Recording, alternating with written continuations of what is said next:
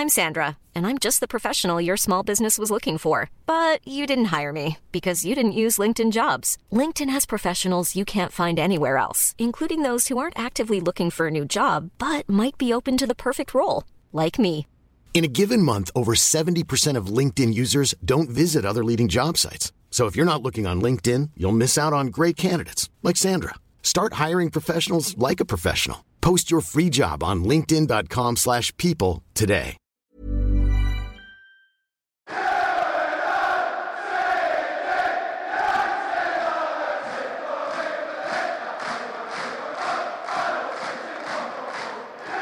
Halo Sobat Kardus, penghuni gua yang sekarang kedinginan karena ada di pucuk. Selamat datang di episode pertama perdana dari podcast GGMU, a.k.a. Ganteng-Ganteng Manchester United, a.k.a. Chef Proclaim. Kenalin gua dia selaku host yang tidak mencerminkan nama podcast ini, namun karena kebutuhan kuota tim makanya gue bergabung. Dan di sini tentu gue akan nggak akan sendiri ada dua orang lain yang nantinya akan siap kena bully juga dari netizen ya tanpa berlama-lama ada Alvin dan juga Saung Halo, halo, gue Alvin. Halo, gua Saung. nah Alvin sama Saung ini adalah fans MU juga sama kayak gue nah mungkin sebelum mulai nih ada enaknya juga kali ya kita pengen tahu sebenarnya kalau kalian berdua suka MU sejak kapan sih mungkin dari Saung dulu deh lu suka MU dan siap menjadi bully netizen tuh sejak kapan sih Ung? Gua ngefans MU itu adalah waktu final Liga Champions 2008. Gue inget banget waktu tayang di TV, gue lupa channelnya apa. Tapi gue ngikutin tuh eh, waktu penaltinya Ronaldo yang miss itu kayak oh my god ini tim merah nih gimana sih penaltinya masuk. Abis itu John Terry slip, ya. Abis itu ya Allah, ini tim hoki banget. Ini pasti mau curi ke depannya ini. Hmm. Habis itu gue support Manchester United. Oh, Tapi lu, lu uh, Hmm. lu udah Lu udah fans MU tuh di situ. eh itu cinta pertama gua tuh ke MU. Pandangan pertama tuh waktu itu, itu match pertama gua tonton MU di situ. oh jadi lu fans suka MU gara-gara Terry ke pleset tadi itu ya? Yoi, ironik sekali.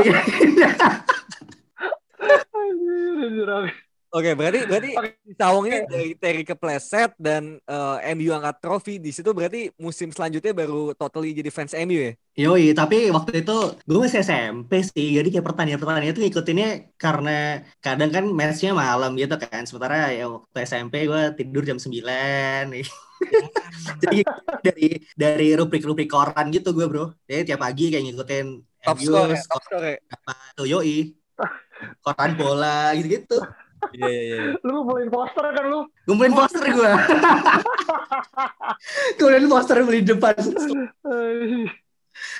Oke oke Ini oke. gue pertama kali beli poster poster siapa waktu itu ya? Vidic kalau salah, Kapten Vidic. Pas awal beli langsung video dapet ya lu? Karena tinggal sisa itu bro, gue ngerti deh. Yang Ronaldo habis, Rooney habis. Kayak bang, yang MU mana bang? Wah tinggal ini mas. Ini siapa ya lagi? Ya Udah lah gue beli. Ternyata Oke Kapten oke Vidic. oke. Nah tadi ternyata kapten ternyata ya. Oke, tadi kan Al- tadi kan eh, Saung nih. Nah, Alvin lu gimana kalau lu sendiri, Vin? Gue tuh ngefans pas tahun 2000 berapa ya? Pokoknya pas Vodafone terakhir. Itu 2005, 2006 kalau nggak salah. Pas MU itu gagal juara. Kesalip sama Chelsea. Nggak, nggak kesalip sih. Tapi pas di Stamford Bridge itu kalah sama Chelsea 3-0. Yang Hmm. Oke. Ya, keinjek terus cedera. Piala dunia di situ. Gua pertama nonton MU itu pas MU versus Everton. Di situ Hmm. mainnya di Old Trafford. Gua lupa skornya berapa, tapi kayak uniknya tuh gue nonton sama sama nyokap sama adek gue kayak gitu. Nah dari situ gue mulai ngikut-ngikutin dan pada akhirnya match yang akhirnya gua tonton full itu yang tadi yang MU Chelsea kayak gitu. Ya, Oke, Champion ya. oke. Mhm, Dan dan pada akhirnya gue mulai ngikutin bola secara reguler, terutama pas Piala Dunia kan 2006 itu gue nonton semua matchnya dari awal sampai akhir. Kebetulan di Hmm. situ kan ada intrik ya antara Wayne Rooney dan Cristiano Ronaldo pada saat itu. Jadi kayak Iya, wah iya. bumbu-bumbunya tuh dapat banget pada saat itu. Ditambah pada akhirnya Sir Alex berhasil menyatukan kembali mereka berdua dan pada akhirnya bisa merengkuh gelar juara Premier League di tahun itu. Pada akhirnya ya udah gue jadi fans di di musim yang itu sih, yang berarti 2005 67 berarti gitu. 67 ya. Yoi. Hmm, oke. Jadi mulai mulai mulai kelihatan ini um- usia-usianya berapa ya? Gue 2007 2008. Aku 2006 2007 dia kapan nih dia? Nah, kalau gue pribadi sebenarnya gue tuh suka MU gara-gara nenek gue itu nyuruh gue nonton bola gitu. Karena nenek gue juga fans MU gitu. Dan gue inget banget dia Gokil. dia bawa rokok terus juga dia nyalain TV terus dia bilang nih ada ada bola gitu kan. Dan saat itu gue inget banget umur gue kelas 3 SD kalau nggak salah. Itu pertandingan MU lawan Wigan Athletic. Saat itu main di kandang Wigan um, uh, saya itu menang 4-0 dan saya itu kipernya gue inget banget pakai topi Chris Kirkland. Sekarang udah pensiun cuman gue inget banget karena dia jebol Rooney dua kali kalau nggak salah ya. Jadi di situ gue ngerasa kayak oh ini apa nih warna merah gitu kan. Terus gue suka juga warna merah. Mungkin itu juga jadi salah satu faktor bias. Untung gue nonton Liverpool ya. Mungkin Liverpool. Gue gak Liverpool. Gue gak akan ada di sini gitu. Cuman itu Iya, ya akhirnya gue mulai suka mulai nonton sendiri. Gue mulai jadi apa individual uh, apa voucher gitu. Dan Hmm. akhirnya gue bener-bener dalemin banget tahun 2009 kan kali ya. Gue mulai baca masalah soccer. Gue juga mulai kemudian Hmm. kayak ngoleksi-ngoleksi uh, videonya uh, apa namanya gantungan kunci segala macam hingga sampai saat ini ya udah mulai apa ya udah mulai kayak sangat-sangat uh, I think itu benar-benar kayak internalisasi lah ke gue pribadi. Dan kalau MU kalah tuh intinya the whole damn apa satu hari itu tuh gue ngerasa kayak ter- terinfeksi aja gitu. Asli asli asli bener. Bener bener. Gue inget waktu sekolah ya SMA SMA tuh musim 2000 2012 2013 lah 2011 2012 lah sebelum Hmm. sebelum juara terakhir. Hmm. Itu kan MU kalah bro. Gue nggak masuk sekolah bro. Asli. Asli bulian anak sekolah tuh kejem-kejem banget. Asli Parah, parah. parah, parah. parah. Ya, secara kita semua masih kardus semua kan dulu kan. yoi yoi dulu cara tahunya lu suka apa dari ini status BBM bro yeay Bener-bener. kalau kalau MU main kita update di recent updates itu bener bener bener tinggal pakai emot ini emot yang warna merah tuh ada setannya itu taruh di Iya. status Iya, terus uh, foto profilnya di PBBM-nya diganti sama uh, gambar-gambar setan-setan gitu. MU. Listening. Iya, iya, iya, iya. Ya ini glory glory Man United gitu ya. Iya. Kalau kalah, kalau kalah namanya ganti jadi strip. Enggak, kalau kalau kalau DP-nya hitam, Bro. Iya itu juga. DP-nya hitam. Eh by the way, the Pemain way, favorit lu siapa? Pemain favorit lu siapa, Bros? Dias Dias dulu. Pemain Dias. favorit lu siapa? Gua sih saat jauh ini ya, gua to be Hmm. honest gua suka sama De Gea sih. Ah, salah satu yang menurut gua pemain yang cukup fenomenal, paling enggak secara singkatnya gara-gara De Gea adalah satu dari di pokoknya kalau nggak salah Ferguson tuh pernah dua kali apa miss pertandingan MU ngelatih. Pertama gara-gara nikahan anaknya yang perempuan, yang kedua gara-gara nge-scout De Gea pas lagi di Atletico Madrid gitu kan. Dan gua rasa kayak ini orang siapa nih kok bisa pelatih seorang kepala eh pelatih MU kok bisa gak datang ke match gitu kan hanya untuk sebuah orang pemain dan dari situ gue ngerasa kayak gue ngikutin dia dari mulai ATM dan sekarang menurut gue he's one of my best uh, ini sih apa player sampai sejauh ini kayak gitu Iya, paling konsisten di masa-masa kegelapan ini ya. Iya. Yang mendongkrak kita untuk tetap berada di tengah-tengah liga. Iya, lo siapa, Vin? Eh, gua sejauh ini bisa dibilang meskipun dari zaman dulu mungkin kita mengelulukan Cristiano Ronaldo ya, tapi entah kenapa gua tuh dari dulu jatuh cintanya sama Wayne Rooney sih. Tetap Hmm. be my best player. Sepakat, Aduh. sepakat. Wayne Rooney. White Pele ya The White White Pele, Pele benar. The White Pele, betul. Iya, iya, iya, oke, oke. Kalau lu siapa, San? Eh, sama sih gue Wayne Rooney juga karena Waduh, kalah suara gue di sini.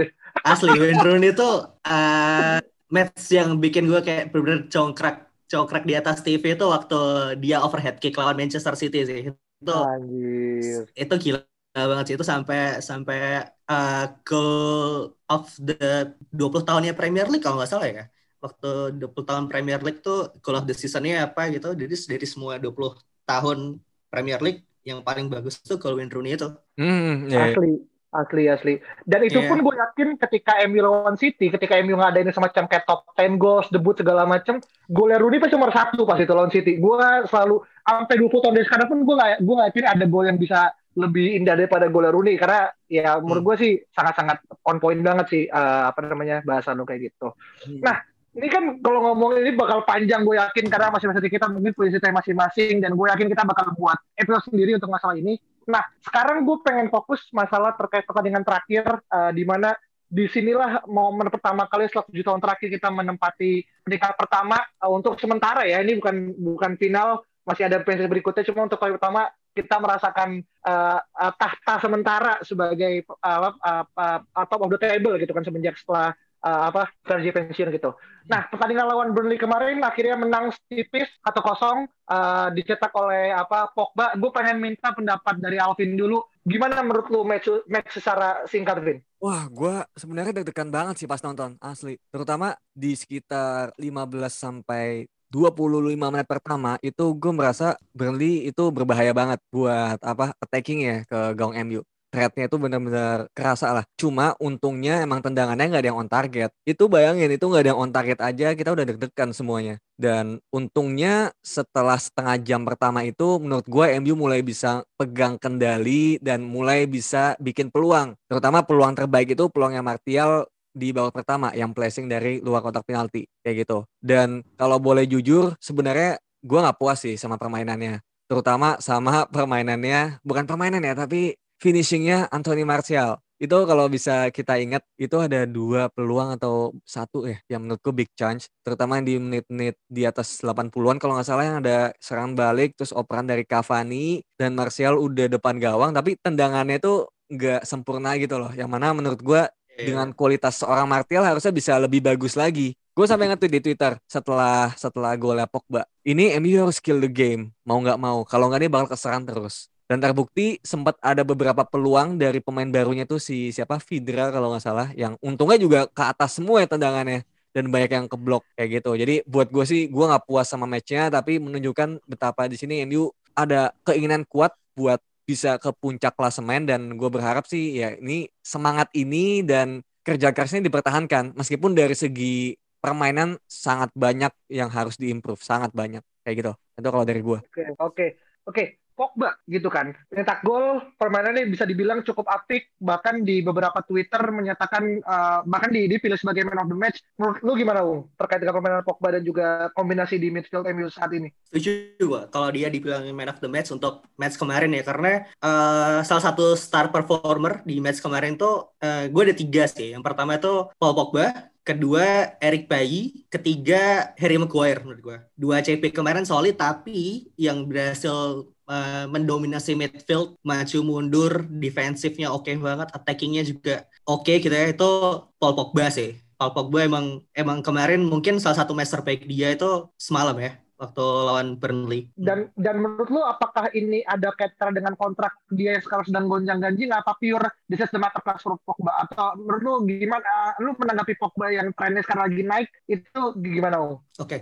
um, Pogba itu gue ya gue sejak Pogba masuk ke Manchester United ya balik lagi ke Manchester United gue yakin emang pemain ini jago sebenarnya. Cuman um, emang beberapa musim terakhir dia kayak kehilangan ambisinya gitu loh. Karena uh, mungkin karena stabilitas klub juga terus uh, kondisi di dressing room juga. Jadi dia nggak bisa menampilkan performa terbaiknya gitu. Dan ini terbukti ketika Ole udah udah menunjukkan pakemnya gitu, pakem permainannya sejak sejak Bruno Fernandes datang dia bisa langsung nyetel gitu loh. Dan set, mungkin awal awal musim ini dia sempat sempat sempat main cukup buruk tapi tapi itu cukup bisa dimaklumi gitu loh karena dia juga uh, habis kena covid juga ya mm. dan I think uh, Pogba masih bisa improve sih. Tapi ini ini sudah menunjukkan progres yang jauh lebih bagus dari dua musim sebelumnya. Ini uh, hampir membuat gue ingat sama musim pertama dia sama Zlatan sih, yang dia sangat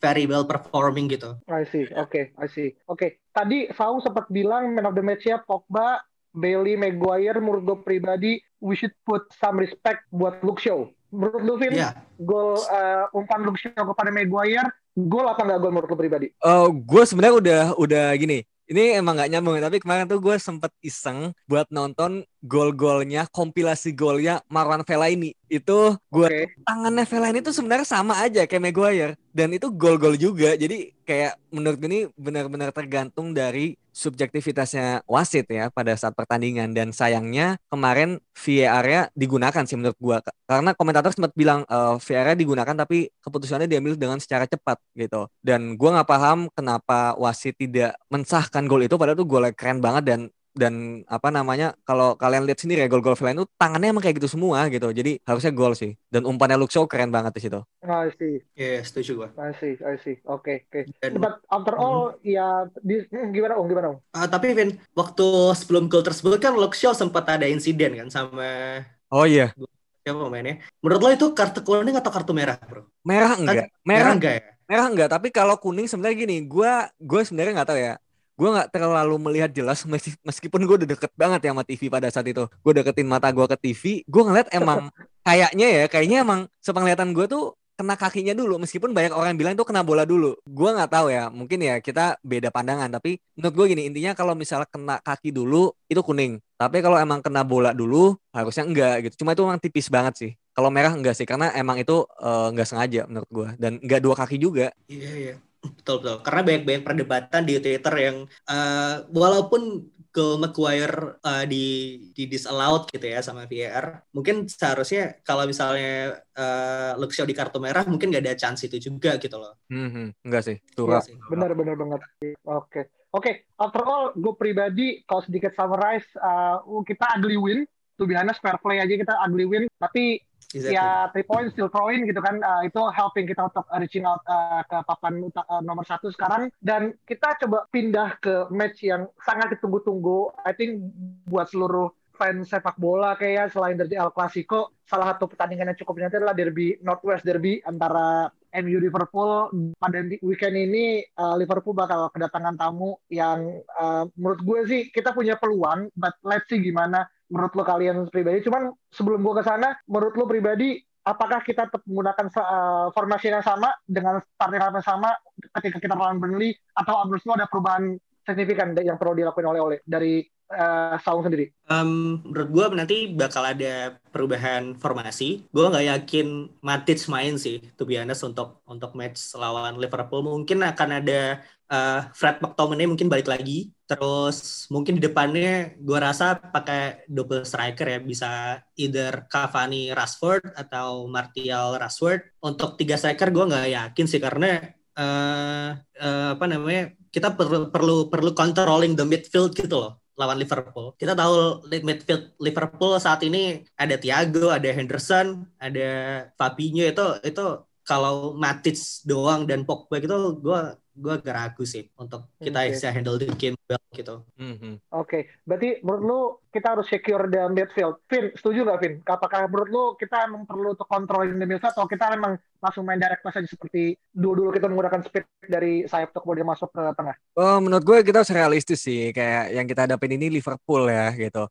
Dan balik lagi di sini ke bukan ke jeniusan ya, tapi ke fleksibelan oleh terhadap taktik ini diuji kembali. Yang mana menurut gua, ini ini menurut gua ya, itu sebaiknya oleh itu pakai formasi 5 back kayak lawan PSG. Jadi kenapa? Karena serangan Liverpool itu kan awalnya dari sayap eh, dari back sayapnya ya, Trent dan juga Robertson. Nah, bayangin pas mereka maju semua berarti kan ada Trent sama Robertson di flank. Nah, terus ada tiga trio depannya itu si Firmino, Mane dan Salah itu ada di kotak penalti. Jadi kalau kita pakai formasi biasa 4 4 2 3 1 kayaknya agak nggak balance tuh. Karena biasanya nanti back back MU kan bakal narrow ke dalam. Jadi gue expect-nya tuh nanti bakal ada duel satu lawan satu kayak musim lalu sih persis ketika Liverpool pakai 4-3-3 sedangkan MU reaktif dengan formasi eh, 3-5-2 kayak gitu. Jadi nanti tuh tiga back MU-nya kemungkinan bakal Maguire, Bayi dan juga Luke Shaw itu bakal ngejaga tiga depannya Liverpool, Salah, Mane, Firmino dan juga nanti Wan Bisaka dan Teles itu bakal ngejaga satu lawan satu juga melawan Robertson dan juga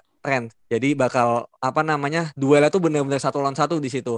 Nah tengahnya juga sama. Either itu ada Henderson, Thiago, Wijnaldum bakal duel juga sama. Bener tadi gue setuju sama Saung, Matic nggak akan main. Yakin satu juta persen nggak bakal main. Yang main pasti McTominay dan Fred. Dan yang gue bingung adalah Pogba bakal main atau enggak itu satu eh, apa ya misteri yang gue nggak tahu. Karena satu sisi Pogba lagi bagus tapi kalau pakai formasi kayak 3-5-2 ini tuh Pogba nggak punya tempat sebenarnya. Karena satu AM udah pasti punya Bruno Fernandes. Kayak gitu sih. Kecuali kecuali formasinya mau di obrak abrik lagi. Mungkin AM-nya Pogba, nanti dua depannya itu Rashford dan juga Bruno Fernandes. Gue nggak tahu kayak gitu. Tapi yang pasti Rashford bakal main, Bruno main, Pogba yang gue nggak tahu kayak gitu sih. Dan menurut gue Okay. Cavani bakal cadangan, bakal super sub nanti. I see. Oke, oke. Berarti gue ngeliat ada dua formasi yang berbeda yang Alvinnya juga saung apa predik which is good. Kita kemudian bisa berini sendiri. Nah, in terms of terkait dengan skenario yang akan terjadi nih, menurut kalian pribadi whether apakah nanti akan banjir gol atau akan ketat dan mungkin kedua belah pihak akan sangat berhati-hati atau gimana kemudian kalian melihat match yang akan berlangsung di hari Minggu besok. Ah, sawung kali ya? Oh gue. Iya, Alvin dulu, Alvin dulu. Ah, eh banyak gol tentu enggak ya karena menurut gue di sini Liverpool apa ya terutama MU MU bakal reaktif di sini. Reaktif bukan berarti parkir bis ya tapi lebih kepada lebih kepada ngikutin pace-nya Liverpool. Liverpool mainnya gimana MU ngikutin dan kemudian counter attack sama halnya kayak lawan City. Cuma City ini kemarin udah lebih pintar. Dia nggak se apa ya nggak se terengginas ketika musim lalu. Nah masalahnya karena MU low blocknya bagus bertahannya bagus. Ketika City terlalu nyerang, itu banyak space yang di di apa namanya banyak space yang bisa di, dimanfaatkan. Cuma kemarin kita lihat sendiri si Man City formasinya bagus banget, fluid juga, kadang pakai 2 DM, kadang gundohannya sering maju. Jadi di sini benar-benar City kalau kita lihat kemarin tuh nggak nyerang banget kan pas lawan kita di mana Karabau. Tapi sekalinya ada peluang-peluang kayak set piece, mereka bisa cetak gol di situ. Dan menurut gue kalau Liverpool sedikit lebih pintar mungkin main bakal lebih rapi sih kayak lawan City. Tapi kalau Oke. Liverpool mainnya gila-gilaan menurut gue peluang MU ada banget di situ. Terutama kalau kita lihat CB-nya Liverpool tuh lagi nggak bagus tuh. Kalau nggak salah main bakal si Phillips dan juga si Fabinho kemungkinan. Oke. Dan menurut lu itu jadi titik lemah Liverpool saat ini? Ya pasti pasti karena Oke. Rashford itu bakal bisa manfaatin tuh apa si si si salah satu CB itu kayak gitu sih. Oke. Apalagi ada Meskip- hmm. Alexander Arnold yang sering maju. Jadi celah antara back kanan dan juga back tengahnya si Phillips itu yang bisa dimanfaatin sama Rashford. Apalagi Rashford bakal main agak di kiri ya. Jadi eh gol bakal satu gol aja bakal menentukan dan gue predik ya predik aja ya kayak bakal mungkin satu-satu lah gitu. Oke, oke, I see. Oke, nah mungkin buat Saung agak buat Hmm. track sedikit pertanyaannya. Gue ngerasa layaknya derby akan kurang seru atau akan kurang sedap kalau nggak ada kartu gitu kan. At least kartu kuning lah ya, itu kan dapat Nah menurut lu Vin, eh menurut lu Sung, apakah ini akan terjadi tensi panas seperti dulu? Gue inget banget eh, ketika Fabio dan juga Gerard, I think apa Torres ya pernah eh, ribut. Dan mungkin beberapa orang juga kemudian kayak pemain juga seperti ini. Apakah akan sepanas dulu? Atau menurut lu tensinya akan cukup mereda karena simple ya apa namanya nggak ada supporter. Dan kita tahu supporter sangat men- menjadi provokator quote unquote eh, terjadi tensi tinggi atau menurut lu akan gimana eh, dia- eh, tensi pertandingan ketika besok minggu? Kalau kalau untuk tensi permainan, I think um, betul uh, tidak ada supporter itu pasti um, mengurangi tensi permainan. Cuman untuk intensitas dan emosi, I think masih akan tetap ada, masih akan tetap ada. Mungkin ada gejolak-gejolak gitu kali ya. Dan untuk kartu, mungkin nih, gue feeling gue sih Maguire bakal dapat kartu. Apalagi dia udah udah kartu ke kuning keempat musim ini dan match selanjutnya di Premier League tuh lawan Fulham ya. I think itu itu uh, kesempatan yang tepat gitu untuk untuk untuk sekaligus mengistirahatkan Maguire gitu. Iya, pemutihan kartu ya. Pemutihan Betul. kartu. Betul, gue setuju banget sih kalau misalnya dia akan main all out gitu si CB-nya untuk untuk menjaga gimana pun caranya agar nggak jadi gol gitu. Dan untuk dapat kartu di situ tuh, I think itu kesempatan yang tepat sih untuk untuk mengistirahatkan Maguire yang main hampir seluruh pertandingan di musim ini. Iya, iya, ini pemutihan. Betul. Gue gue suka banget the konteks kayak gitu. Oke, mungkin bit of last question dari gue pribadi. Um, tadi uh, uh, Alvin sempat bilang skor atau satu, meskipun gue pribadi, gue merasa masih ada chance uh, yang bisa kita explore di sana. Apalagi tren Liverpool juga sekarang juga sedang tidak dalam kondisi terbaiknya. Kita tahu sendiri dua pertandingan terakhir gimana Liverpool juga struggling dengan apa dengan uh, match dan juga fatigue juga mereka juga kecapean masih ada yang apa namanya cedera segala macam. Uh, pertanyaan gue pribadi nextnya adalah kayak what if scenario, what if the scenario kita kalau kita menang itu gimana? Apa yang apa yang akan terjadi for the whole apa upcoming uh, future itu menurut, menurut kalian gimana? Kalau misalkan ini menang, dari Saung dulu. Oh ya, menang. Uh, Twitter akan lebih panas lagi. Banyak fans-fans fans MU sangat-sangat uh, unbearable ya ketika kita di lima hari ini ini dan uh, dan ini penting sih uh, penting apa ya sebagai pemain gitu untuk untuk tetap bisa ngejaga ngejaga permainan mereka untuk untuk bisa selalu di atas gitu. Dan ketika dia uh, tem Manchester United dapat tiga poin tambahan berarti kan six points clear kan kita dari Liverpool. Yeah, yeah. dan itu itu bisa jadi bisa jadi uh, kepercayaan diri lebih gitu loh. Seperti apa yang dibilang Dimitar Berbatov kemarin kayak uh, gue harap pemain Manchester United dapat dapat ngerasain gimana rasanya berada di puncak gitu loh karena ketika lo berada di puncak lo gak akan mau turun yeah. dan, hmm. dan melihat ngelihat performa Liverpool beberapa match terakhir, uh, gue rasa nggak ada alasan buat Manchester United dan Ole untuk untuk untuk bermain reaktif gitu loh. I think just just play your game gitu, play your best game mumpung mumpung Liverpool saat ini sedang sedang lagi kocak gitu ya. Dan uh, sebagai tim pertama yang meruntuhkan rekor Anfield, I think it's gonna be fun lah this match. ya kan? Oke, okay, gue suka. Oke, okay, Vin, last uh, singkat aja, what if United kalah? Kalau kalah, ya, ya. udah. Menurut gue kalau kalah ya kita kembali gitu. Kita kembali kepada kepada apa namanya menjadi MU yang mungkin kembali ke Goa gitu kan fans-fansnya. Tapi tapi menurut gue nggak perlu sedih sih karena toh kita masih poinnya sama dan juga kayak balik lagi perjalanan masih panjang meskipun meskipun okay. kalau misal what if-nya kita menang, gue pun ya mungkin sesekali bakal ngetrol ngetrol juga, tapi gue tetap ingat bahwa it's still apa namanya a half season dan masih banyak yeah. hal yang mungkin terjadi seperti halnya ketika MU sampai match day keempat itu di UCL tuh udah ini ya top of the table ya, tapi ujung-ujungnya ketiga hmm. juga jadi anything can happen gue nggak mau terlalu apa ya, ya. Uh, ekspektasinya terlalu ya tapi ya ngetal ngetal dikit gak apa-apa. Tapi kalau kalah gue gue sih orangnya chill ya jadi gue terima-terima aja oke oke oke oke. This is interesting. Terakhir um, menurut lo apakah akan ada kejadian Martial 2.0 di diri Amat Diallo besok? Atau menurut lo there's no chance Diallo bakal main besok? Singkat aja dari dua belah dari kalian. Um, Martial 2.0 dengan melihat performa Martial sekarang gue rasa sih enggak ya. Cuman Rashford gue rasa akan satu gol dua gol pasti ada sih Rashford. Dia bikin dua gol banyak ya? Yoi bro. Gue skor line gue ya tiga satu. Oke tiga satu. Oke oke oke. Vin gimana Vin? Menurut ya, gue Martial bakal main apa enggak? No chance karena baru latihan sekali Iya itu by hmm. common sense aja sih itu nggak mungkin sih gitu. Mending hmm. mending gue mending pasang Dan James aja sekalian buat buat ngobrak abrik di babak kedua menit 80 kan kayak di FIFA. Counter attack. iya counter attack masukin Dan James buat pressing dan kayak gitu dan menurut gue ya to be realistic aja gue uh, satu-satu itu masih masuk akal dan masih apa ya masih bagus lah buat gue satu-satu satu.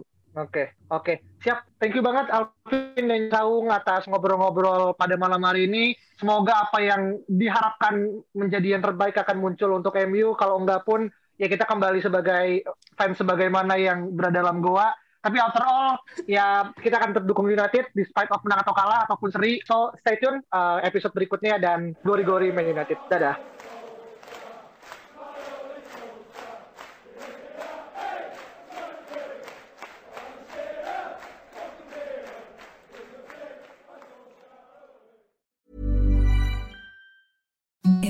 The softest sheets you've ever felt. Now imagine them getting even softer over time. That's what you'll feel with Bowl and Branch's organic cotton sheets. In a recent customer survey, 96% replied that Bowl and Branch sheets get softer with every wash. Start getting your best night's sleep in these sheets that get softer and softer for years to come. Try their sheets with a 30-night guarantee. Plus, get 15% off your first order at bowlandbranch.com. Code BUTTERY. Exclusions apply. See site for details.